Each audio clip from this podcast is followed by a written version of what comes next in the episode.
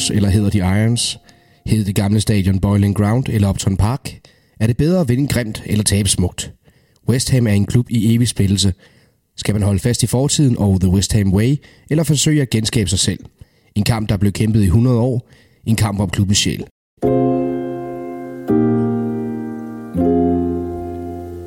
Velkommen til Mediano UK Special. Mit navn er Thomas Nørskov. I dag har jeg besøg af ikke en, men to West Ham-fans. Øh, på min ene side sidder tidligere pressechef i Dansk Håndboldforbund, konsulent og øh, mangeårig journalist, Finn Tage Jensen, også kaldt Tau. Velkommen til, er det så Finn eller Tau, jeg skal sige her? Nej, jeg synes, det er Tau. Vi siger Tau, det er fint. Så er vi i London. Lige præcis. Øh, og ved siden af ham sidder freelancer og journalist på TV2, Christoffer Stig Christensen. Velkommen også til dig, Christoffer. Mange tak. Christoffer, øh, kan vi ikke bare lige få dig til lige lynhurtigt smide nogle øh, West Ham facts på bordet, så vi lige alle sammen ved, hvad det er, øh, vi snakker om, når vi snakker West Ham. Sådan ren lokation og navn og diverse. Meget gerne. Jamen, jeg kan starte med at sige, at West Ham, øh, der er jo mange ting med West Ham, som, øh, som ikke altid giver mening. Og mm. en af dem er jo, at, og det er en del af charmen ved klubben, det er jo, at, at den rent faktisk ligger i det østlige London, selvom den hedder West Ham. Mm. Og øh, hvorfor den gør det, det handler om, at øh, ham er et gammelt ord, der betyder landsby, og øh, der, hvor West Ham ligger, det, har man, øh, det var den vestlige del øh, i Øst-London, eller i det distrikt. Mm. Så det er simpelthen derfor, at klubben hedder West Ham. Okay, jamen det... Og jeg kan sige, på vej ud til stadion, der kører man også forbi et skilt, hvis du kører med, med, med, med, med tuben derude, ja. mm. hvor der står øh, East Ham. Så der er mange mennesker, der bliver forvirret, når de tager turen derud. Smukt. Øhm, men hvad hedder det? Hvornår er klubben stiftet? Hvornår sådan cirka er vi henne her? Jamen oprindeligt er klubben stiftet i 1895, og der blev den kaldt Thames Iron Works, men den blev senere omdøbt til West Ham. Det var i 1900. Det gjorde den, fordi der var nogle uenigheder internt i klubben, som gjorde, mm. at den blev, blev spillet op og blev til det West Ham, man kender i dag. De spiller lige nu på øh, London øh, Stadium i Stratford med plads til 60.000. Øhm, den skal vi nok komme til at snakke en del mere om, den her øh, famøse rykning i, øh, i 2016. Men tidligere der spillede de jo på det, der hed øh, Boiling Ground. Jeg er ikke engang sikker på, at jeg udtaler det rigtigt. Det blev jo også kaldt øh, Upton Park. Tau, kan, kan du forklare mig, hvorfor, hvorfor det hed øh, to forskellige ting? Ja, det kan jeg faktisk godt. Øh, det er jo øh, sådan, at øh, I øh, inde på det øh, område, som West Ham i sin tid købte af East Ham, øh, øh, hvad hedder det, øh, byrådet, mm. der lå et, øh, et øh, hus, og der øh, har den tidligere engelske konge, Henrik den 8. Øh, elskerinde, Anne Boleyn, hun mm. har faktisk boet der. Så det kalder man Bowling Castle. Og øh, det vil sige, det, er, det har så også været en del af, af West Hams øh, logo øh, i flere omgange faktisk. Og øh, derfor så hedder selve stadion Bowling Ground, øh, og den ligger i Upton Park. Upton Park ligger sådan midtvejs mellem West Ham og East Ham. Og øh, det kan sådan modsvares lidt af Milano, altså hvor man har øh, en bydel, der hedder San Siro, ikke? Og, og vi ved alle sammen, hvad hvis, hvis vi fodboldmæssigt snakker om San Siro, så ved vi godt, hvad det er, vi mener. Vi mener faktisk, det stadion, de er ved at, at snakke om at rive ned, der hedder Giuseppe Meazza, ikke? Mm. som ligger i San Siro. Så det er lidt det samme bowling ground i Upton Park. Hvad kalder man det? Det er sådan 50-50, tror jeg. Siger du så Bowling Ground, eller siger du Upton Park? Nej, jeg siger Bowling Ground. Christoffer? Jamen, jeg er jo så nok der, hvor jeg siger Upton Park, for det, da, da jeg kom ind i og blev fan af klubben, der, øh, der var det Upton Park for mig. Jeg vil sige, det andet navn, det brækker man også tungen på tit, så jeg tager, jeg tager tit det, det sikre valg. Plus, hvis man lige har fået et, et par øl også, så kan det også blive, blive lidt sværere. Så kan det blive rigtig grimt. Hvorfor begyndte du at holde med, holde med West Ham? Det var faktisk en tilfældighed. Jeg tror, det var i slutningen af 95 eller i begyndelsen af 96, der blev jeg taget med til London af min gode ven Nils og hans far Henning, som er øh, diehard Spurs-fans. Øh, det er sådan nogle, de har sengetøj og det hele, ikke? Øh, familien er indoktrineret. De tog mig så med derover så har været en, ja, en 15-16 år, eller efter hvornår det var. Øh, jamen det var bare en stor, altså dels var det en stor oplevelse, det var første gang, jeg var til engelsk fodbold. Og øh, vi sad så selvfølgelig blandt Tottenham-fans, så jeg var ikke, øh, jeg var ikke i opposition til, til Nils og hans far, men, øh, men jeg blev bare fascineret af West Ham, fordi de havde så deres fans med nede den anden ende, og de gav den en god gas den dag. Jeg mener nemlig, de vandt 1-0. Og det var sådan første gang, jeg havde set uh, fodboldfans stå i bar mave uh, og råbe på en, på en kold dag. Og det, mm. det gik bare i, i hjertet på mig. Og så var det et sjovt hold, de havde West Ham på det tidspunkt. De spillede sådan noget uh, tubang-fodbold. Mm. De havde uh, Harry Redknapp som, uh, som træner, som i sig selv er en sjov karakter. Uh, bare hans udseende med, med de her lidt hængende kinder og trætte øjne. Bulldoggen. Bulldoggen.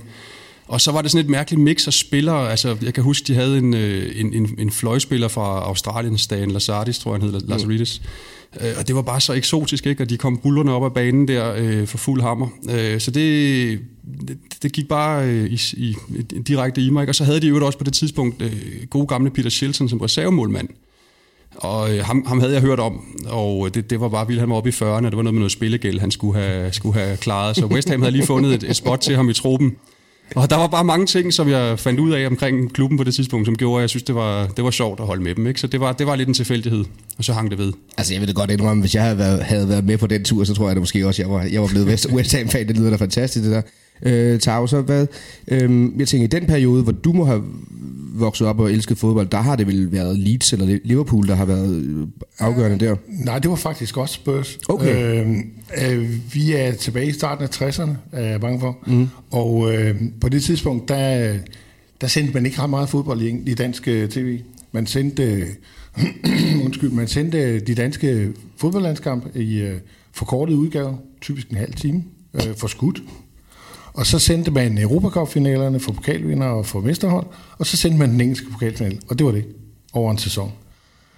Og øh, jeg, jeg var meget fascineret i starten af 60'erne, 61-62, hvor Spurs vandt øh, to pokalfinaler i træk, og i 61 vandt de oven i købet The Double. Og øh, var meget fascineret af Jimmy Greaves, og jeg synes, det var, det var et fantastisk hold at se. Men jeg, jeg var ikke sådan rigtig forelsket. Altså, det, det, det ah, så i 63, der vinder Manchester United 3-1 over Leicester, og der tænkte jeg, ej, han var god, ham målmand der for Leicester, han hed Gordon Banks. Og så var det i 64, så, altså jeg, jeg kommer så også af en familie, hvor man læste politikken, og det var sådan mit øh, videnskatalog.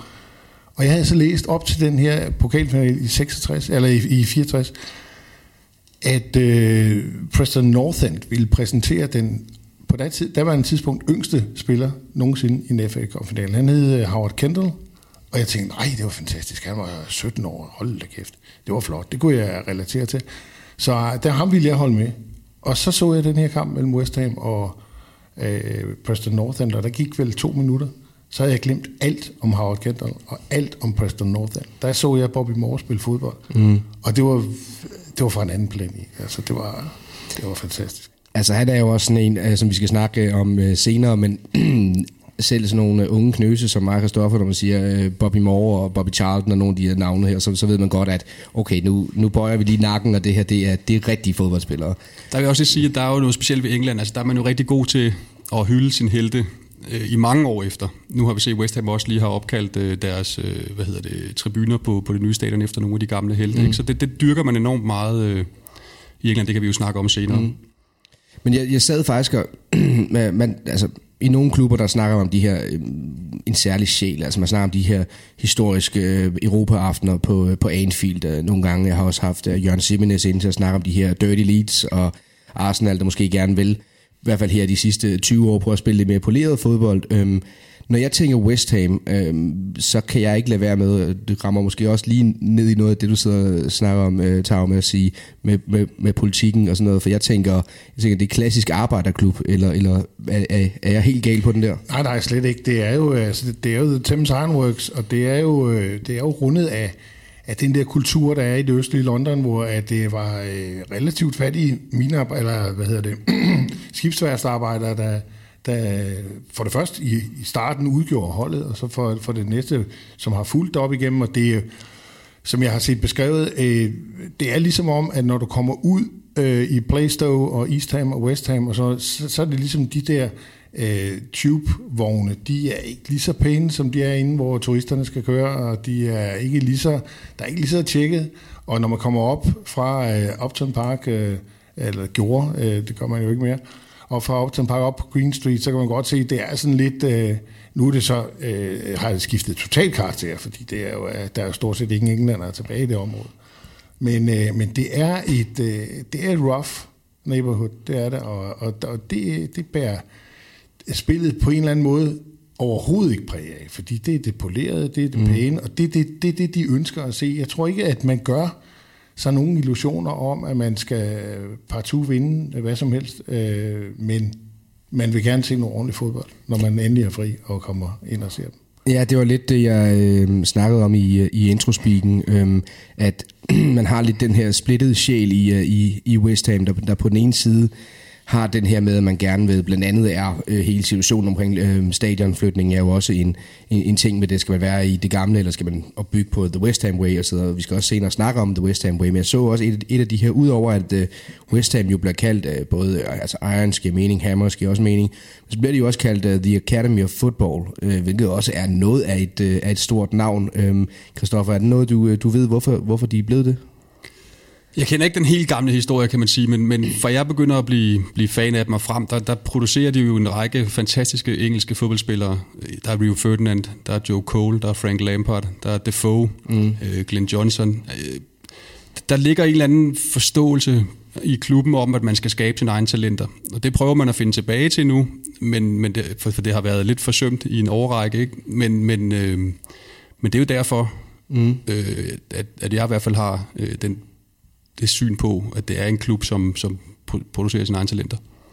Altså den helt store profil i det her hedder Tony Carr. Han er altså desværre stoppet øh, på grund af alder. Han, øh, han, holdt et, han fik en, en testimonial for nogle år siden, hvor at alle hans gamle elever Michael Carrick var også en af dem. Øh, John Terry, for det ikke skal være løgn, har gået på The West Ham mm. Academy. Så der er rigtig, rigtig mange dygtige fodboldspillere, og de var samlet den aften, og undtagelsesvis fik uh, Frank Lampard en, en pæn velkomst. Det plejer han altså ikke at få. det gør han ikke, nej. Øhm, Kristoffer, jeg ved ikke, om du kan huske det, men vi, to, vi havde også en uh, telefonsamtale, uh, snakket lidt om, uh, er der en eller anden anden historie i den her Blowing Bubbles? Jamen, det er jo bare en sang, som passer rigtig godt til området og til klubben, ikke? fordi som de synger, så øh, uh, Fortune's Always Hiding. Ikke? Uh, det, det, er jo, det er jo lidt det, der er historien om West, eller har været det længe. Den, den lange historie om, om sangen, den ved jeg, at Finn kan, fordi det er en, det er en lidt indviklet sag. Uh, det er, så kan vi lige bygge videre på den der tekst, ikke? Altså, they fly so high and nearly reach the sky, og så stopper den der, ikke? Like my dreams, they, they fade, fade and die. Altså, det, det, er jo, jeg hørte Morten Brun komme med en lang uh, udredning om, hvor, hvor sørgeligt det var, og hvor, hvor, hvor godt det i grunden passede på West Ham, så det har han sikkert ret i, som han har ret i så meget andet.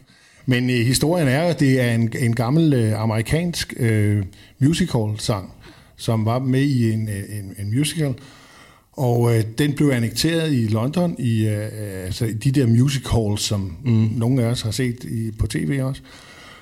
Og øh, øh, det handlede om, at øh, så blev den også brugt i en reklame for noget øh, sæbepulver. Og øh, West Ham havde på det tidspunkt i starten af 20'erne, der havde de en meget talentfuld øh, fyr, som hed Billy Murray, og han øh, spillede på deres juniorhold. Og han gik så på en skole, der hed Parkhead. Og skoleinspektøren, han tog eleverne med over, de andre elever med over for at se ham her. Og han havde sådan nogle proptrækkerkrøller, ligesom den der dreng i den her øh, reklame. Og så morede de sig med at sidde og synge den her, altså I'm Forever Blowing Bubbles. Og det var kun sådan til ungdomskampen. Så blev den sådan annekteret. Øh, så man også rent faktisk sang den sådan meget undtagelsesvis. Det var ikke noget med, at man sang hele, hele kampen. Men i øh, pokalfinalen 1923, som i øvrigt var den første på Wembley, hvor West Ham tager 2-0 desværre til Bolton Wanderers. Der begynder man at synge den her sang, og det er så vidt vides første gang, der er sunget til en enkelt fodboldkamp øh, på højt niveau. Hold da op.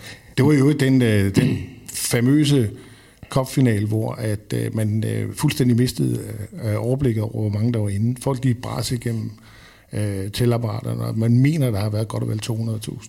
Der findes nogle utrolige billeder af det faktisk, hvis man kigger på nettet. Mm. Det, det ser helt vildt ud. Ja, og der sidder folk helt op til, til, til, hvad hedder det, til sidelinjerne, og der er en øh, politibetjent på en hvid hest, der får dem gennet tilbage. Og så det, den bliver også kaldt The White Horse Final. Man bliver aldrig træt af den sang. Nej. Øhm, når man kigger på West Ham's historie, så håber jeg ikke, øh, jeg fornærmer jer ved at sige, at øh, trofæskabet ikke buner af mesterskabspokaler. Vi skal nok snakke om pokal, øh, andre pokaler lige øh, efter, øh, efter det her, men man kan sige, det, den, så vidt jeg kan se, så er den højeste øh, ligaposition nogensinde er en øh, tredjeplads i den gamle First Division i øh, 85-86. Men når man så kigger på de her øh, pokaler, pokaler, øh, så ser det noget mere imponerende ud. Altså en, en Cup Winners Cup i øh, 65 øh, og en øh, Cup Winners finale i 76. Øh, tre FA Cups, en i 64, 75 og 82 To liga... Nej, 80. 80, ja, undskyld, ja. Øh, og, en, øh, og Liga Cups i øh, 66 og 81, tror jeg, det passer også. Hmm. Og derudover har man så vundet det, der så det gamle øh, øh, Second Division, altså det man i dag kalder Championship, øh, i øh, 57-58 og 80-81. Og så, så sent som for nylig har man øh, vundet playoff-finalen i 2006 og 2012 det var en lang smøre, der lige skulle igennem her. Øhm, men, men, men man kan også sige, at det betyder så også, at hvis vi skal være sådan helt hårde i det, så skal man også faktisk helt tilbage til 81 øhm, for at finde øh, det sidste store pokal. Øhm, og det oplagte spørgsmål vil jo være, hvordan kan det være, at en klub, der ikke rigtig har vundet noget de sidste 30 år, bliver ved med at have en eller anden, for jeg tror ikke kun det er mig, jeg tror også det er andre, øhm, hvad hedder det, neutrale fodboldfans, der ligesom føler, at det her, det, det er bare altid lige ved og næsten øh, for, for West Ham. Der er lige 5-6 øh, ting, der lige skal, lige skal tweakes. Jeg tror også, det handler noget om selvforståelsen. Både i klubben, altså øh, klubbens ledelse, og sådan har det været længe, øh, er jo ofte ude at sige det her med, at vi er lige ved at være der, ikke? Det, øh, næste år, eller næste år igen, eller næste år igen, og det, det forplanter sig jo selvfølgelig. Det, det er klart, og så tror jeg, der er hele den forhistorie, som vi også har snakket om, som, som, som Finn jo kender rigtig godt med, med Bobby Moore og, og nogle af de store spillere. Så, så på den måde er der en, en, en selvforståelse, som ikke altid står mål med, med realiteterne.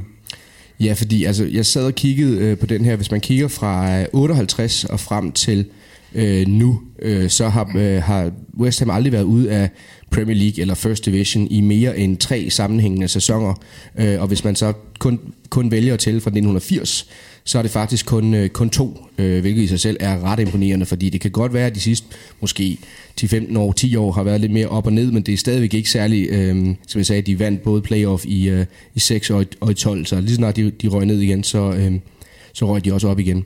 Men det betyder så også på, øh, at øh, hvis man kigger på de her ligaplaceringer og på, på pokalerne, så som jeg ser det, så øh, skal vi finde West Hams storhedsperiode i, i den periode omkring 60 til 85.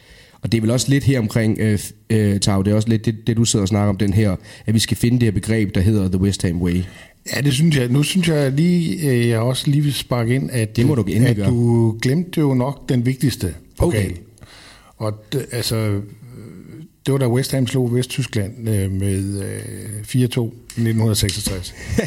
øh, øh, og der, der, der er jeg jo nødt til at sige, altså, når der er nogen, der kommer ligesom og, og mokker lidt med West Ham, og det, de vinder ikke en skide, så siger jeg, ja, men det kan godt være, så, altså, men øh, hvor mange gange har, har England vundet verdensmesterskabet? Jamen, det var så én gang. Ja, det er rigtigt. De vandt 4-2 over Vesttyskland i finalen. Hvem scorede de tre mål? Det gjorde de her først. Hvor kom han fra? Han kom fra West Ham. Godt. Hvem scorede det andet mål, hvis man tager mm. dem i rækkefølge. Det gjorde Martin Peters. Hvor kommer han fra? West Ham. Hvem løftede pokalen? Det gjorde Bobby Moore. Hvor kommer han fra? West Ham. Så diskuterer vi bare ikke det mere. det, det er bare sådan, det er.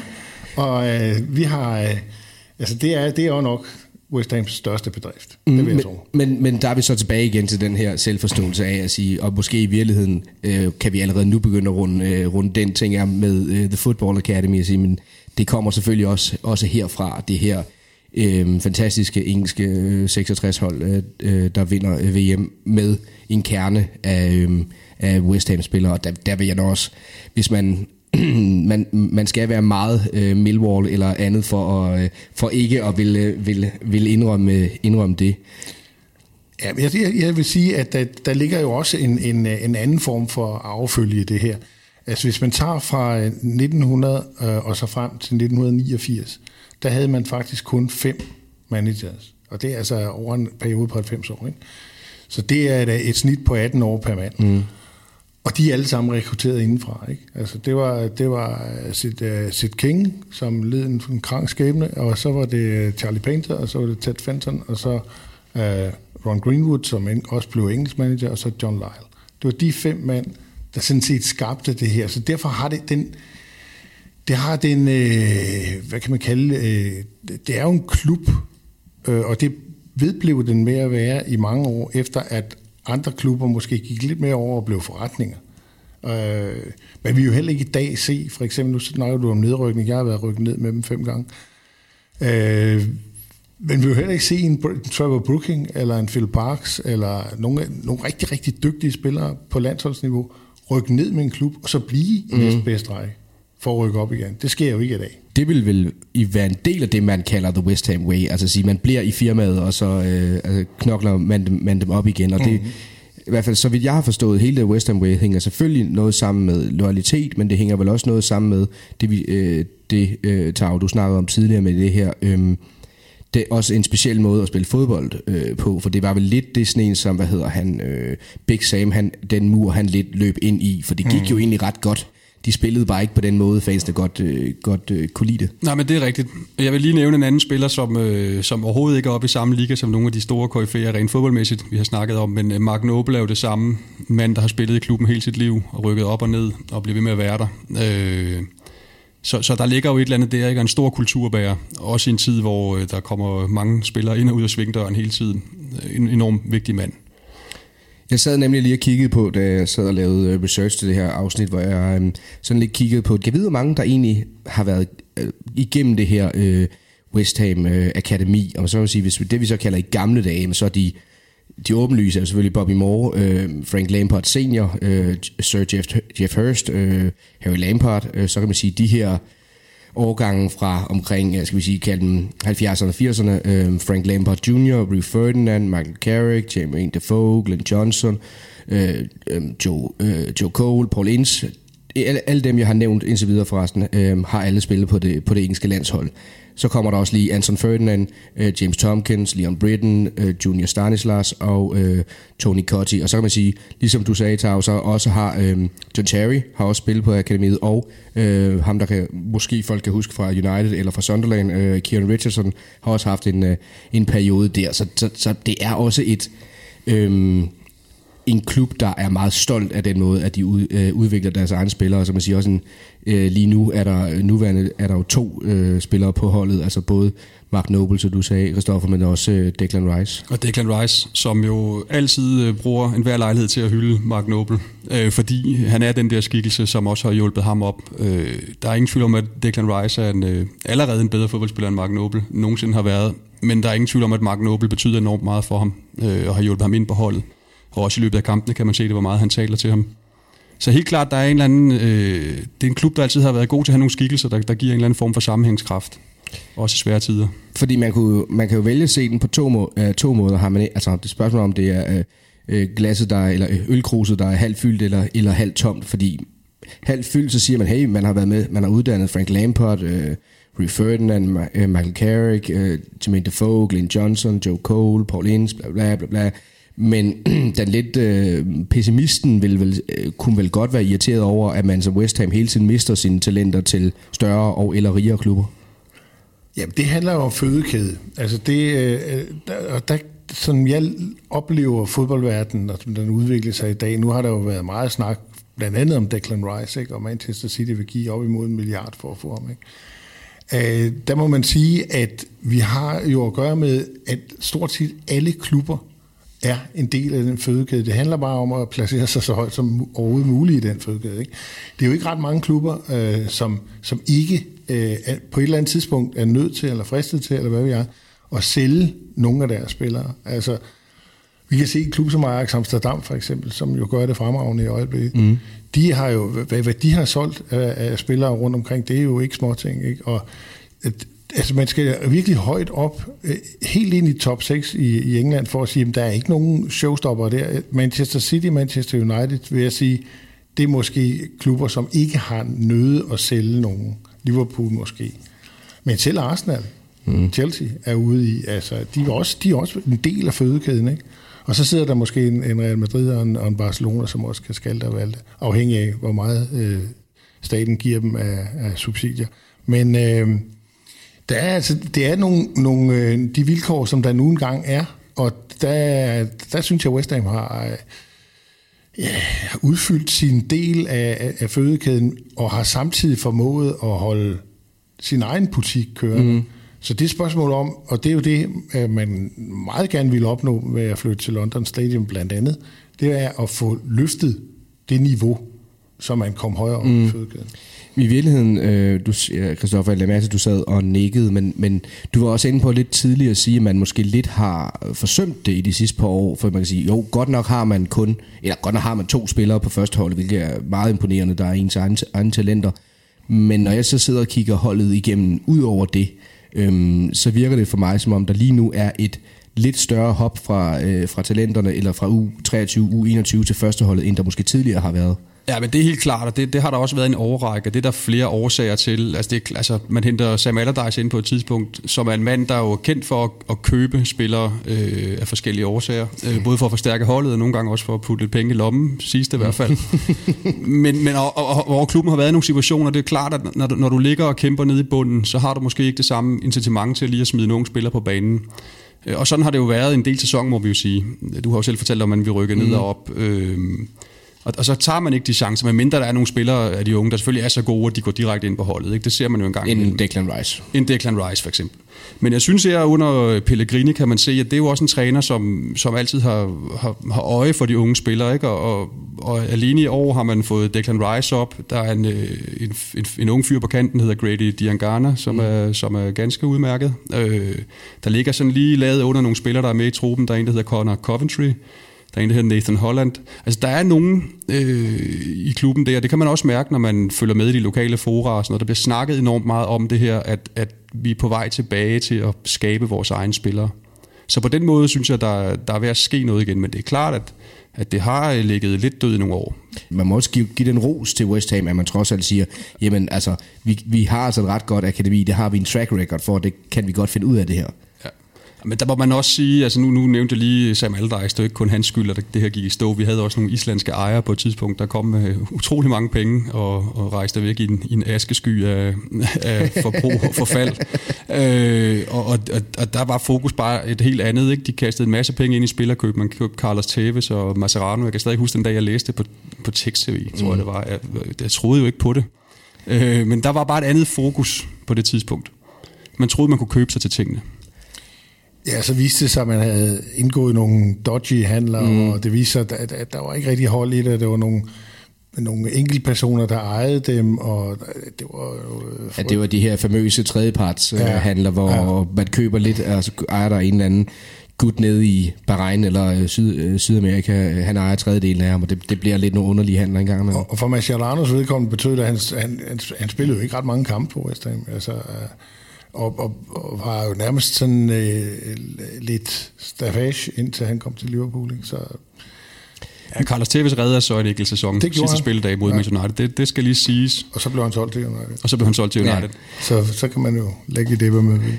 Men øh, det er meget svært at øh, lave en øh, udsendelse omkring West Ham, uden ikke også at komme ind på øh, hooligans. Øh, Selvfølgelig er der lavet den her øh, film, der hedder øh, Green Street Hooligans, eller nogle steder også bare Hooligans, hvilket selvfølgelig gør et automatisk øh, fokus på West Ham. Øhm, for dem, der ikke har set den, så er det den film med, øh, jeg tror han hedder Elijah Wood.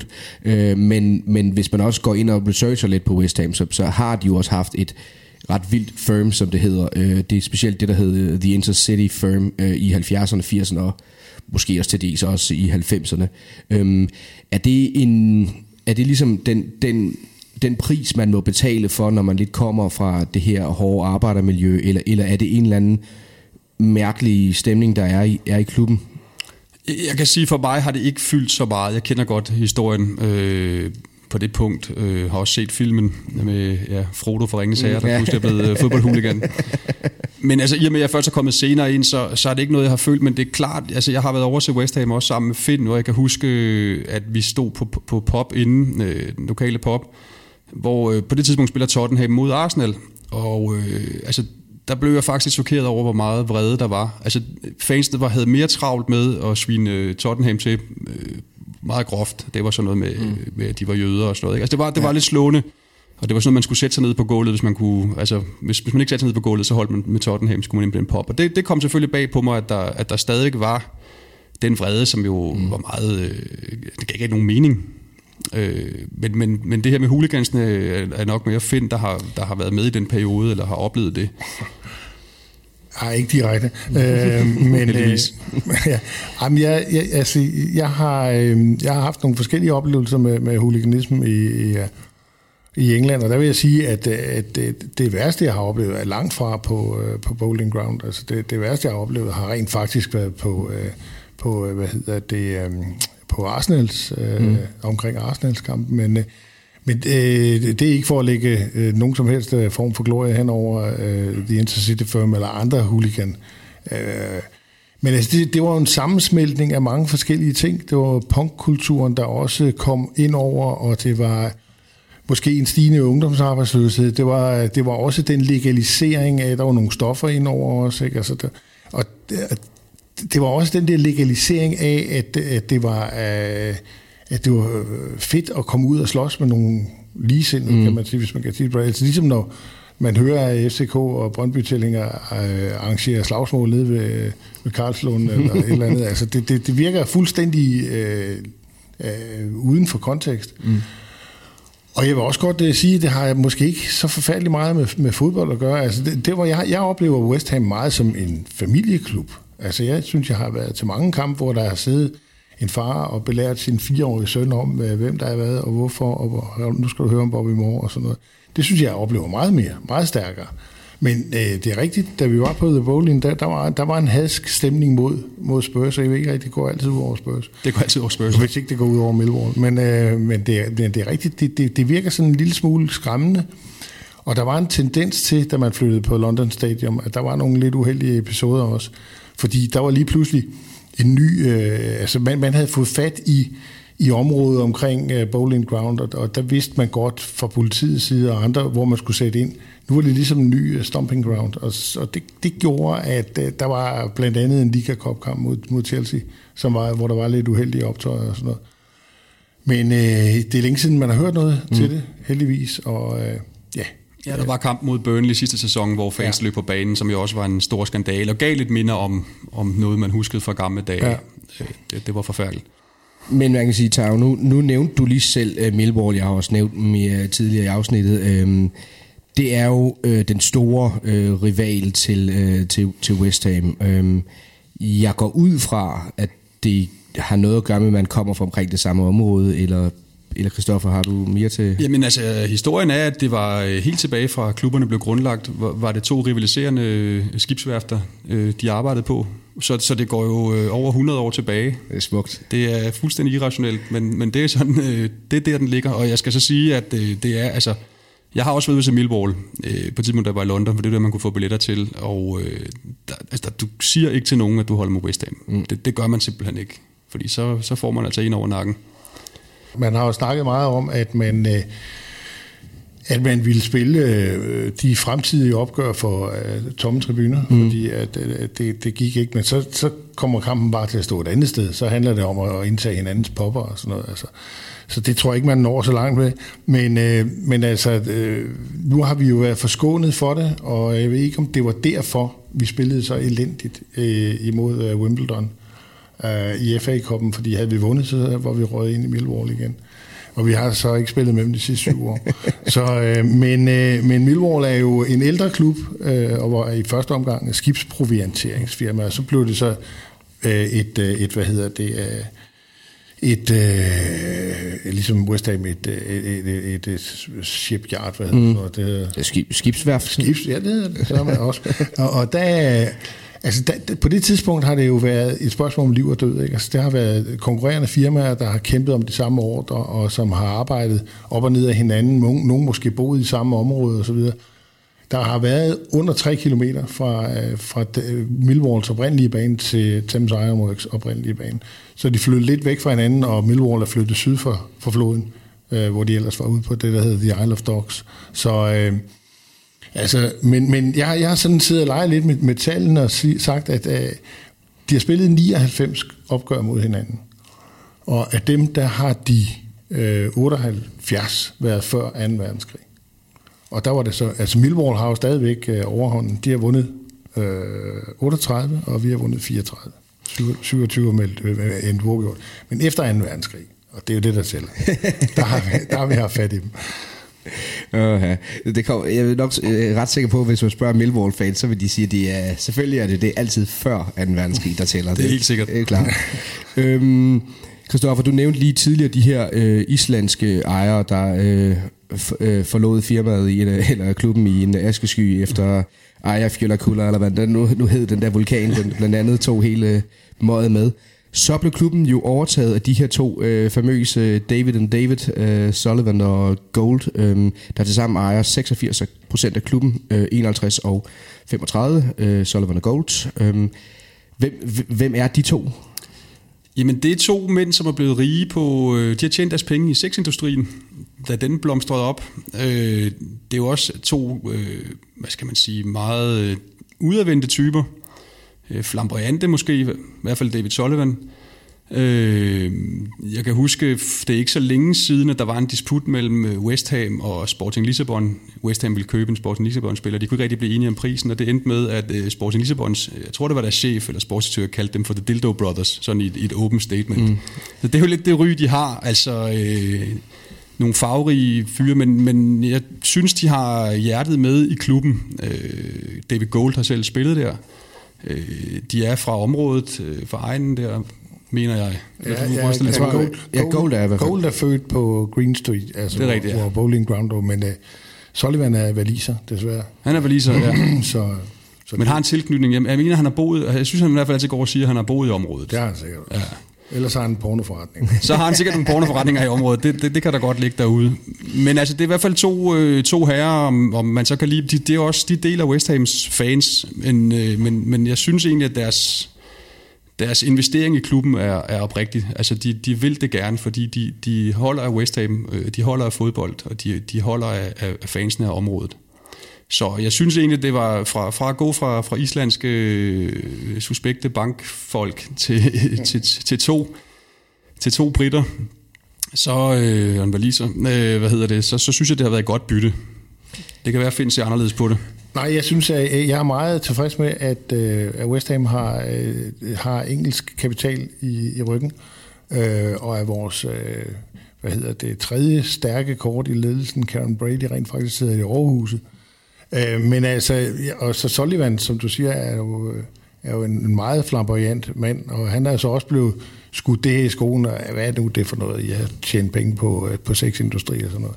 Han har faktisk siddet i fængsel Det har han nemlig. for rufferi, øh, men øh, er blevet øh, øh, efterfølgende. Men han, øh, hans svar lyder altså, hvis, hvis, mine, hvis jeg havde tjent mine penge på cigaretindustrien, eller på noget... Øh, på at have bygget våben eller sådan noget, så, så, ville jeg have synes det var moralsk angribeligt. Nu har jeg bare gjort folk glade. Siger han. Mm. Det kan han jo også have en, øh, en pointe i, men jeg synes alligevel, det, det er lidt som om, at nogle gange, når, når det skal være sådan de lidt øh, hårde beslutninger, der skal tages, eller pressemeddelelser, der skal meldes ud, så synes jeg, jeg har lagt mærke til, at det så ofte er Karen Brady, der går ud og, øh, og, og bliver det situationstegn seriøse øh, ansigt ud af, ud af til. Altså, jeg, jeg har det lidt svært med hende, må jeg så sige. Mm. Altså, nu, nu kalder du hende det seriøse ansigt. Øh, nu, nu skal man passe på, hvad man siger de her tider, men jeg synes jo lidt, hun er sådan en, en pin-up girl på en eller anden måde. Mm. Den forstand, at hun har jo en klumme i tabloidaviserne, og, og, og er sådan en ta- tabloid type, der, der lever meget på de sociale medier, og er kommet galt afsted nogle gange, mm. fordi hun har fået skrevet nogle ting om andre klubber, og haft nogle holdninger til nogle ting, som har, som har støttet folk på manchetterne. Så jeg vil egentlig helst have, at hun holder sig lidt mere i baggrunden. Altså, øh, jeg synes, hun fylder for meget nogle gange. Det er blevet, det er blevet bedre her det seneste stykke tid, men, men, men jeg er faktisk ikke så begejstret lige for hende. En anden øh, person, som også er blevet tæmmet lidt, det er Jack Sullivan, som er søn af, af David Sullivan. Han øh, har jo haft øh, et næsten Trump-lignende forhold til Twitter, hvor han jo har skrevet hvad som helst om hvem som helst, og gerne på rigtig dårlige timede tidspunkter. Og øh, nu har man så gjort det, at man rent taktisk og strategisk har flyttet ham et sted hen, hvor han kan sidde og skrive lige, hvad man vil, for der er ikke nogen, der læser det. Det er om West Hams kvinder. Han er sådan blevet en eller anden form for, for talsmand og di- direktør derovre i det firma. Der. Det, og det er fint nok, og det, jeg synes, de gør det, hvis det er i øvrigt meget godt. Så har man ligesom øh, givet ham en platform, hvor han kan operere på. Det er tydeligt, at han skal lære sig op til at overtage ja. geschæften, og det gik måske lige stærkt nok i starten, da han udbredte sig om spillerhandler, og hvem de synes, han synes, de skulle købe, og nogle gange også nærmest mente, at det var hans øh, årsag, eller det var ham, der var årsagen til, at de havde købt en bestemt spiller. Ikke? Man havde sådan lidt fornemmelsen af, at han var sådan en, der sad og spillede det her championship manager, Mm, ikke? og, så, og så, øh, så gik han op til far og sagde, øh, ham der, han, har, han har 20 i heading, eller 20 i finishing, ham skal vi have.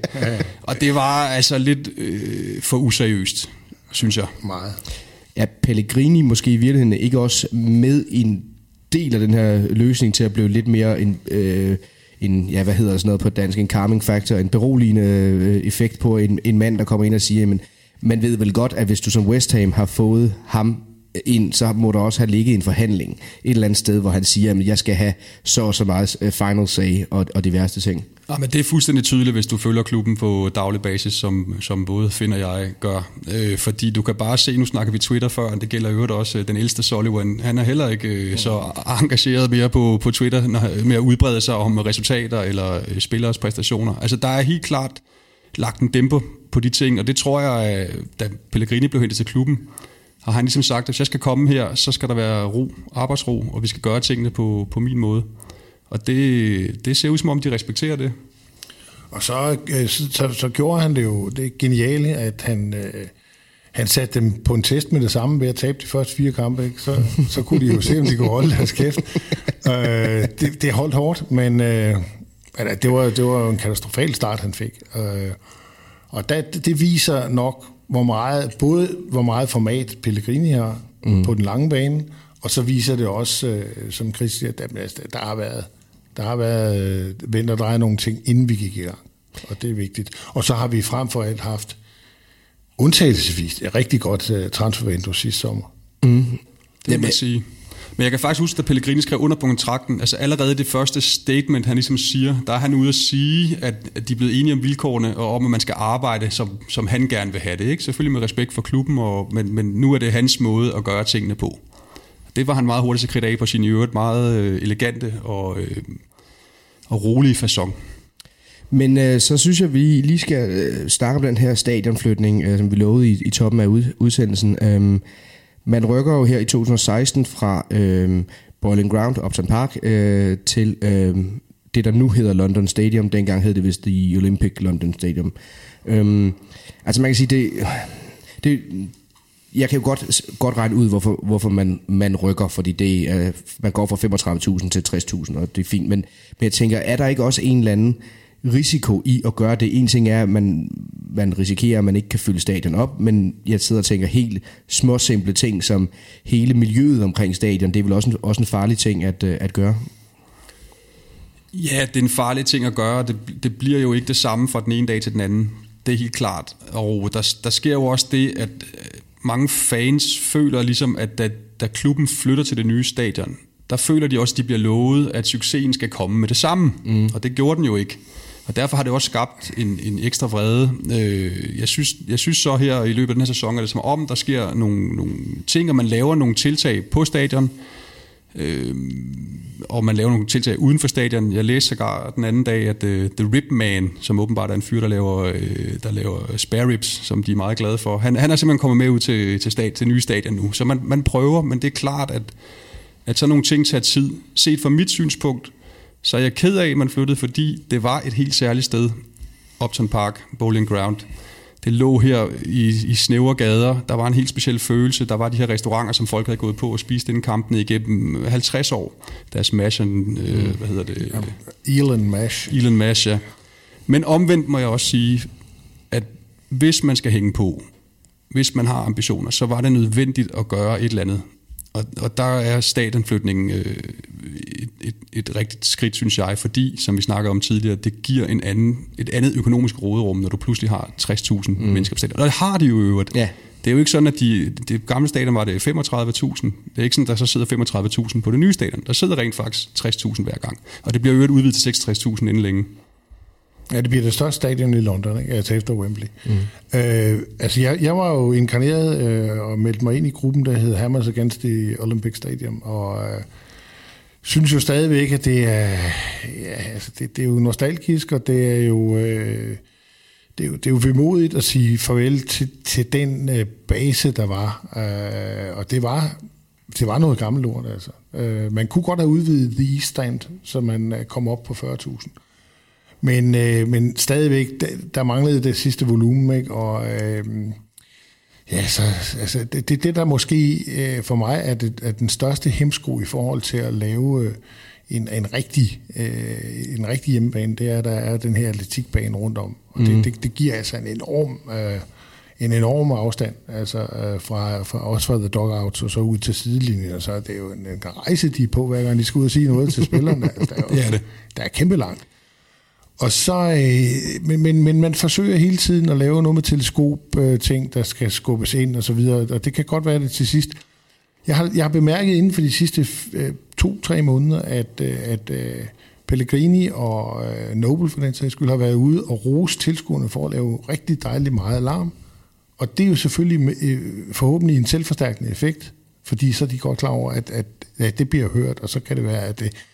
Men altså, den intimitet og den, øh, altså, ligesom, det var ligesom at komme ind i en gryde i gamle dage på øh, Bowling Ground. Altså, du skræmmer ikke udholdende på samme måde på London Stadion. Det gør man ikke, men man har taget nogle tiltag fra vi rykkede ind på stadionet for nogle år siden, og til nu er der alligevel sket meget. Mm. Altså, der er kommet West Hams farver. Mm. Bare en ting på, på, på, på, på sæderne, og der står også West Ham og, og så videre.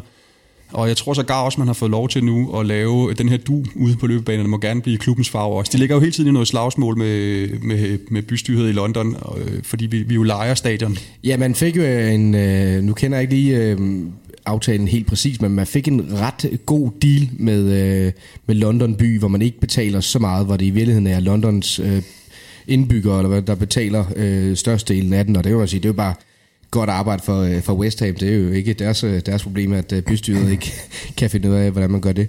Men Christoffer, jeg havde en uh, telefonsamtale med dig, hvor du, øhm, du fortalte mig lidt om de her øhm, med de her caféer og butikker, øhm, der lukkede omkring øh, den gamle øh, Bowling Ground. Øh, var det noget med, at de var blevet lovet nogle penge for nogle manglende indtægter, eller, eller hvordan var det?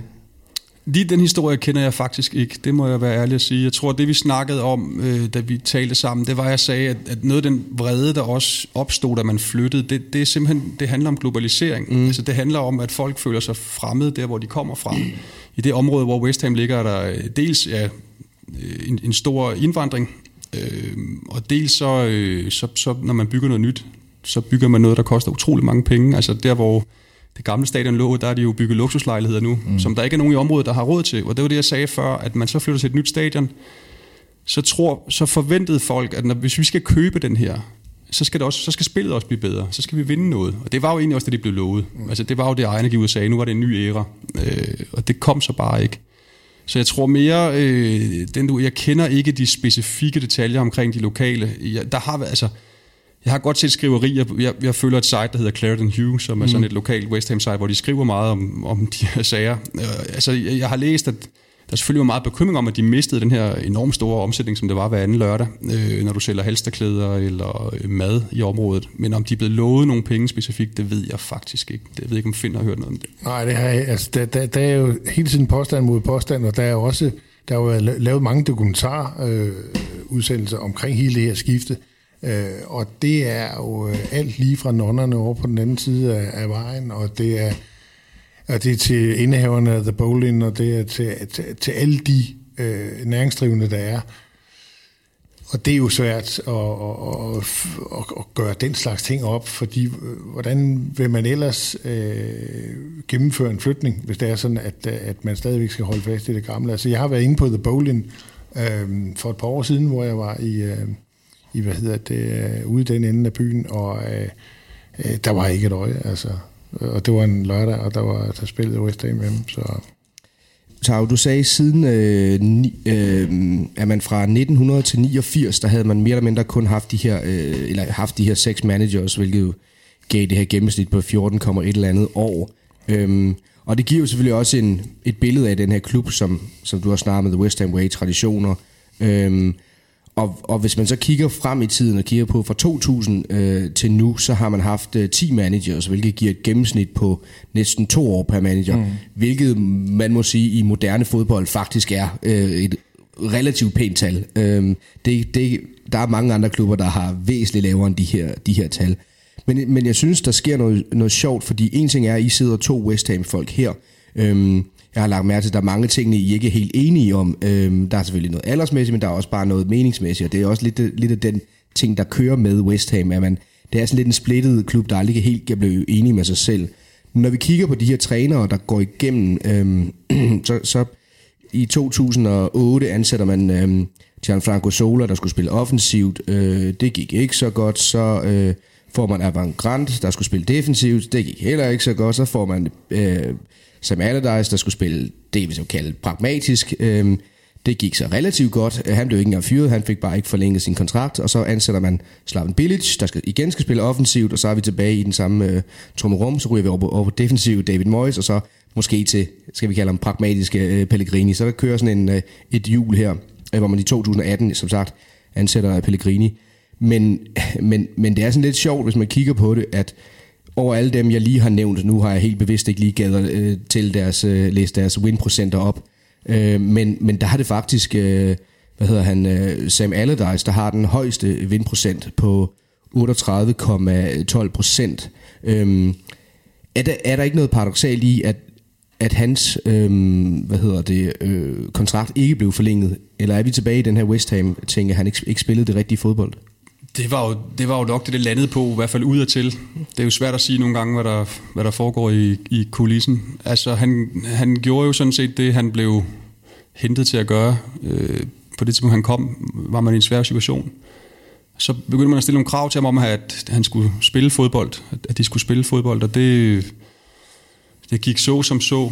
Og så gik han jo, så, som jeg husker det, tilbage til at spille defensivt til sidst. Og så der fik man ligesom som nok, ikke? Øh, han er, han er jo altid en, en skikkelse, som, som deler vandene, uanset hvor han er. Mm. Øh, og, det, og det gjorde han også i West Ham. Jeg synes egentlig, han med det materiale, han havde, og den opgave, han havde, så, så gjorde han det fint. Og så var det også...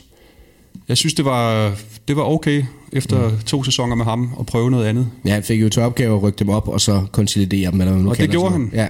Men det var også klart, at, at på det tidspunkt, der, der, så siger man så, at hvis vi skal udvikle klubben, så skal vi prøve at finde en anden type manager. Ikke? Altså Sam Allardyce spiller meget britisk fodbold, med meget direkte, øh, og, og det var, et, jeg tror ikke kun det var, altså var en vrede over den måde, han spillede på, det var simpelthen også en måde at sige, at hvis vi skal flytte klubben, altså hvis vi skal blive et bedre fodboldhold, så er vi nødt til at prøve at finde en mere moderne træner. Det, det er mit syn på det. Jamen, det er jeg helt enig i. Øh, jeg har stor respekt for Allardyce, bortset fra, når han laver nogle øh, mærkelige øh, lysskyhandler. lysskyhandler udenfor. Men jeg synes, at sådan fodboldfagligt, der, der, der har han jo altid stået for noget, der er solidt, og noget, der er gennemtænkt, og noget om, omkring noget disciplin og noget opgavefordeling og sådan noget. Jeg synes også, at han, han i den, den sæson, hvor vi rykkede op, og det skal jo nok også med, hvis man skal aflæse hans rekord, at det jo rent faktisk var i næstbedste række. Mm, så, ja. det, så det giver jo alt andet lige nogle flere sejre, i hvert fald også nogle flere kampe. Men, øh, men da, da, jeg synes, han opfyldte sin, øh, sin, øh, sin mission. Og det er måske nok det, øh, det der med at ansætte folk på en mission, det er nok lidt det, det, det hele har båret præg af.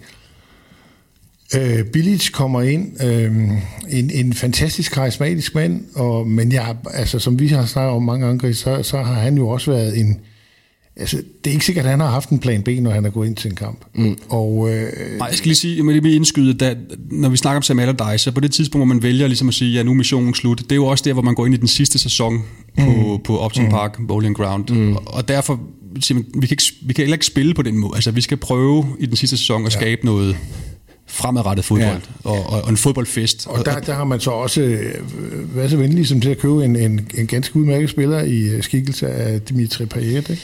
Ja, så gjorde det fantastisk. Nej, det må man sige ja til. Og, og så fik han måske en lige... Det var lidt uheldigt, hans uh, afsked.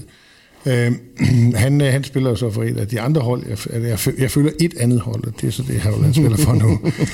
uh, men uh, hvad hedder det... Uh, altså, det, var, det var den mission, ikke? Så, så får man øh, billigt ind, og det, der er ligesom, der, der, der, altså den, der, den øh, indledende begejstring, og det, han har pisket ind i spillerne, der, det har lagt sig, og han ikke kan, altså, han ikke kan genopfinde sig selv, så er man nødt til at skille sig af med ham. Det var, det var sådan lidt med grædende hjerte, synes jeg, at man gjorde det. Og så ansætter man Moyes, som er en kanon dygtig håndværker. Og øh, jeg synes også, han gjorde også fuldstændig det, han blev bedt om. Og der kan, der kan man så sige, at øh, jeg havde da gerne set Morris fortsætte, men jeg tror heller ikke, at det var blevet den helt store revolution, eller noget, man ikke øh, havde set før, og sådan noget. Så jeg synes, øh, sommeren 2018, fantastisk scoutet at få øh, Pellegrini ind, og jeg håber, han bliver i rigtig, rigtig mange år endnu. Og så øh, får vi også købt nogle, øh, nogle ordentlige spillere. Altså, det hænger jo også... Altså, mm, helt sikkert. Vi skal jo have fat i spillermaterialet. Ja, jeg var inde og... Øh Ja, Christoffer? Jeg vil bare sige også med, med forskellen på, på Morris, fordi han gjorde præcis det, han skulle. Det var ikke øh, kønt, men han kan jo det, som Sam Allardyce også kunne, og det er at vinde de kampe, man skal vinde. Altså, det er jo ren fodboldmatematik ja. meget med de her typer. Ikke? Det er procenter i forhold til, hvor man skal have bolden hen på banen på nogle bestemte tidspunkter, og så er det også at kigge i tabellen 10 kampe frem. Øh, hvad skal gennemsnittet være, mm. når vi er nået der? Nå. Men, men hvis han var fortsat i klubben, så havde vi købt en spiller som Tom Kearney fra Fulham, som han var meget glad for. Nu fik vi Pellegrini og købte øh, Felipe Andersen i stedet for. Altså, der er bare en mm. verden til forskel, ja. øh, og derfor synes jeg også, at det var rigtigt at slutte samarbejdet, da han havde afsluttet sin mission, David Moyes, selvom det selvfølgelig er hammerne unfair, fordi han opfyldte faktisk sin opgave til punkt og prikke.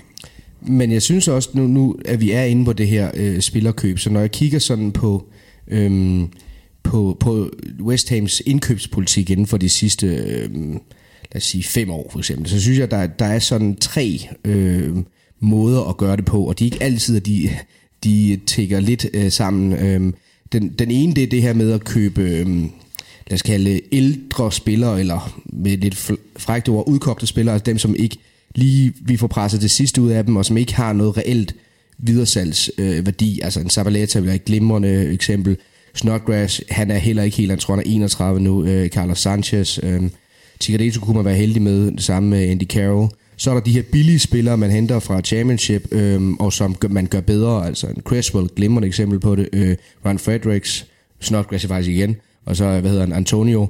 Og så er der de her øh, spillere, som man tager en, en chance på, det jeg kalder sådan lidt øh, Payet-effekten. Øh, altså selvfølgelig, Payet er et glimrende eksempel i sig selv, men altså en Wilshire er også en... Øh, Felipe Andersen måske lidt større øh, talent end nogle af de andre, og ikke så farligt, ikke så meget joker, men Jamolenko, øh, Arnautovic, også en spiller, hvor man siger, at det, jamen altså, hvis det fungerer, så fungerer det, men, men øh, der er jo også et eller andet, øh, et eller andet farligt i specielt den sidste ting her, øhm, øh, og faktisk også den første, fordi man kan ende med at få en trup, som man har lige nu, øh, hvor man har de tre øh, spillere, jeg går ud fra, er på højeste lønninger, øh, Wilshire, Nasri, Chicharito og øh, Andy Carroll, der hvis man er uheldig, alle sammen kan ende med, ende med at sidde på, øh, på bænken. Øh, det må også være lidt dyrt for et øh, i forvejen tyndt øh, løn, øh, lønbudget.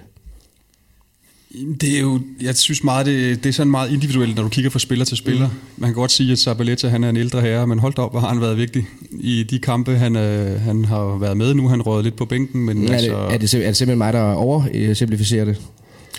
Nej, nej, det synes jeg egentlig ikke. Altså, vi, har, vi har haft en, øh, en, en trist historik i forhold til at købe sådan nogle gamle... Øh, nu går jeg lidt længere tilbage i mm. tiden, Martin Kierun ja. og alt muligt er Arsenals affald, ikke? Noget vi også have Nigel Winterburn. Det gjorde ja, det, det havde vi også. Ja, men det var sådan nogle af de der folk. Ikke? Det, og det, øh, altså, der, der, der er vi sgu bedre end det. Ja. Uh, og der vil jeg sige, at Zavaleta også for mig er en helt anden uh, karakter. Altså både den, både den måde, han går til opgaven på, men altså, og jeg forstår ikke, hvorfor Pellegrini ikke bruger ham i stedet for Ryan Fredericks, for han er jo klasser bedre. Men, uh, men altså, det, det der med, uh, vi, har, vi har gjort når jeg siger, at vi har gjort nogle gode indkøb, så, så, så er det på meget centrale pladser. Altså, vi har jo en, for det første købt en målmand på meget højt niveau, mm. synes jeg. Uh, for det andet, så synes jeg, at vi har købt en, uh, scoutet en rigtig dygtig forsvarsspiller i Isa Diop, som uh, har spillet samtlige minutter, siden han kom. Ikke? Jeg synes, vi har en, en, en, altså en Lanzini, der nu er kommet tilbage efter skade, som er i mine øjne er vores klart bedste spiller, og Felipe Andersson har vi nævnt, ikke? Så altså, det, jeg synes, vi efterhånden er ved at have tegningen til et rigtig, rigtig spændende hold. Og, det, øh, det kan jeg, og jeg synes også, at, at, at jeg har tillid til, at Pellegrini, når han bringer Nasri ind, så er det, øh, så er det så er ikke for sjov. Og det er heller ikke for sjov, når Carol lige har sat sit hus til salg i London. Altså det, øh... Nej, det er, jo den, det er jo den, man lige skal huske med, øh, med, med, med Nasri, for jeg var jo også, jeg sad og stejlede hele tiden, ej, nu køber West Ham Nasri. Det er sådan en klassisk West Ham ting. Indtil man lige går tilbage og tjekker, det var altså under øh, Pellegrini, at Nasri var rigtig god for City, så okay, der, der er nok, nok noget og, der. Og han trænede med i flere måneder, inden han, han blev ja. testet. Det var ikke okay. sådan, at man bare tog ham fra den ene dag til den anden. Han var med i tre, jeg tror, i to måneder, ja, godt og, har han trænet med, inden han fik den kontrakt. Ja.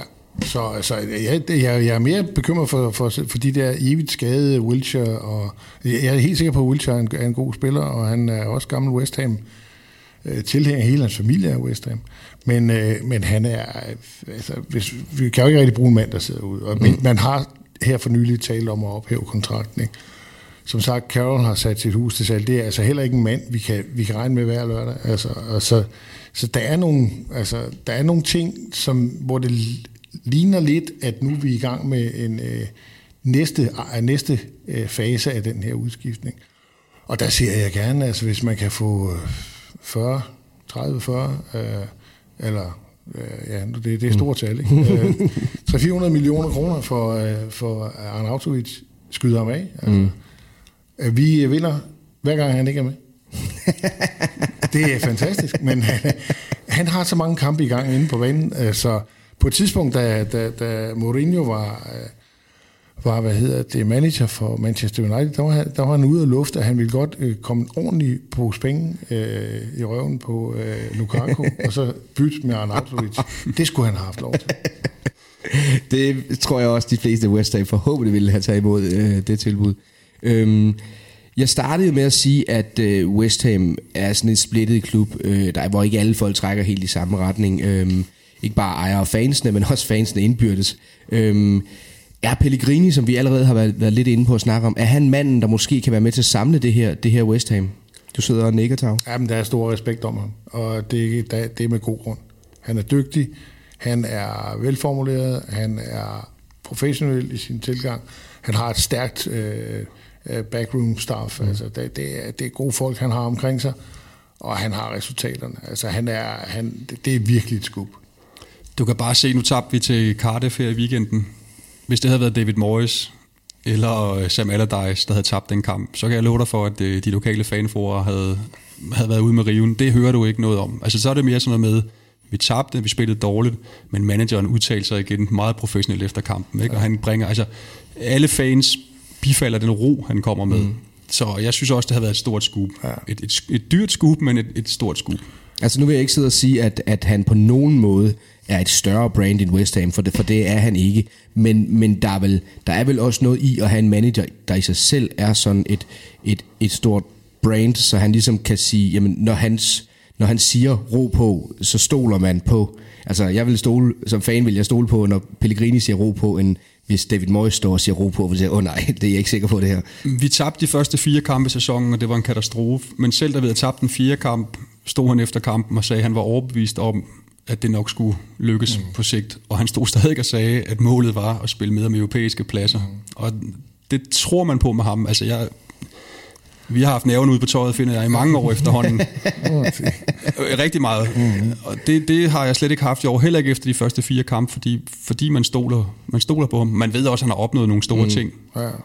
Altså nu var vi jo for nylig over at spille i, uh, i Manchester mod City, og at manden bliver modtaget med stående applaus for hele Etihad Stadium, ikke? det fortæller jo hele historien, og, og han er jo... Øh, altså, han er jo en, øh, en, en, en, en mand, der ikke brænder broer, og han, er, han har jo et goodwill, der mm. hvor han har været, og det synes jeg, det, det, det siger meget om ham. Jeg tror, jeg, jeg tror englænderne kalder det, eller amerikanerne kalder det et, en class act, altså simpelthen bare en, mm. man, har, man har respekt for ham. Han siger jo det her med, at West Ham skal tænke som et stort hold. Det er jo sådan hans mantra. Og det kan man så godt grine af nogle gange, når man taber 2-0 i Cardiff. Men, men det er den indstilling, han har, altså at uanset hvem man spiller mod, om det er mod Liverpool eller om det er mod Cardiff, så skal man spille på den samme måde. Det er jo en stor forskel i forhold til, hvordan vi spillede under David Moyes, eller Billigt for den sags skyld, hvor man altid pakke sig ned, mm. øh, enten på udebane eller mod de store hold. Og det, og det er meget tydeligt, at der er sket et, et skifte. Så det handler ikke kun om at ændre... Altså det Pellegrini gør, er ikke kun at ændre måden, man spiller fodbold på ind på banen. Det er også hele mentaliteten i klubben. Jamen, det er jeg fuldstændig enig i. Altså. Og man kan jo også se, at øh, som det ligger lige nu, har, har vi jo taget point fra Liverpool, vi har taget point fra, øh, vi har vundet over Manchester United, vi har vundet over Arsenal, vi har taget point fra Chelsea. Vi mangler at slå Spurs, det gør vi øh, om et par uger. Og taber 1-0 på, til City. Og taber 1-0 på City mm. på et strafspark, der aldrig skulle have været dømt. Øh, og så spiller vi 1-1 med Liverpool, hvor at, øh, jamen, det var teori var øjelyst øh, men det er så, hvad det er. Altså, vi, vi er med i den pulje der. Altså, vi er, vi er med lige under den.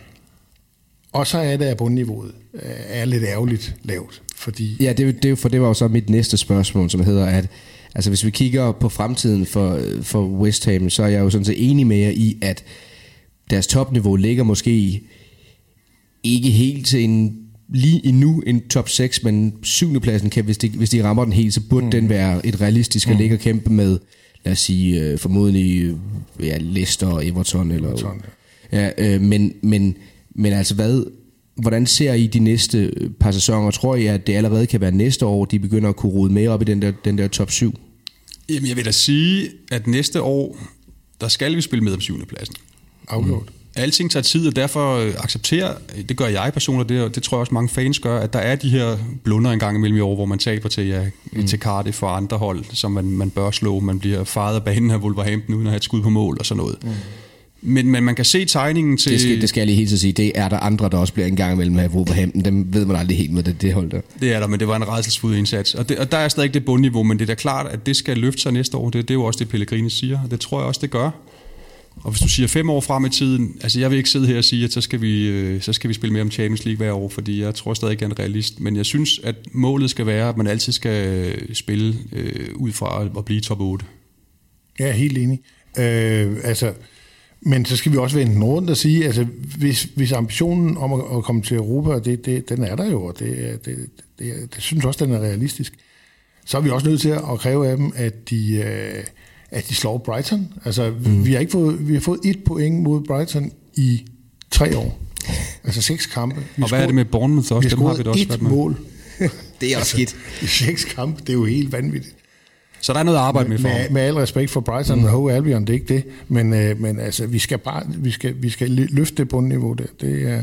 Men er det så i virkeligheden ikke en tendens, som man ser i mange af de her, øh, lad os kalde dem, øh, midter øh, til tophold, øh, at, at man, er, man er gode mod de gode, øh, og så når de kommer de lidt svagere hold, så, så er man måske ikke øh, så meget vant til at, at være den, der skal styre spillet, og man ligesom kan, øh, kan vinde over, over dem, fordi de bare pakker sig. Jo, det, det, det, det er der noget om, altså... Øh Øh, og, og derfor var det også en fin periode, vi havde i, øh, i slutningen af 2018, hvor vi vandt fem kampe øh, ud af seks mulige, mener jeg. Og, øh, og det var sådan mod de hold, vi skulle slå. Det var Newcastle, det var Fulham. Der, altså, der, der begynder det jo lige pludselig at tælle seks point. Det var Southampton og sådan mm. noget, ikke? som vi skal holde bag os. Og det, øh, det er jo den måde, vi har været vant til at se på det på.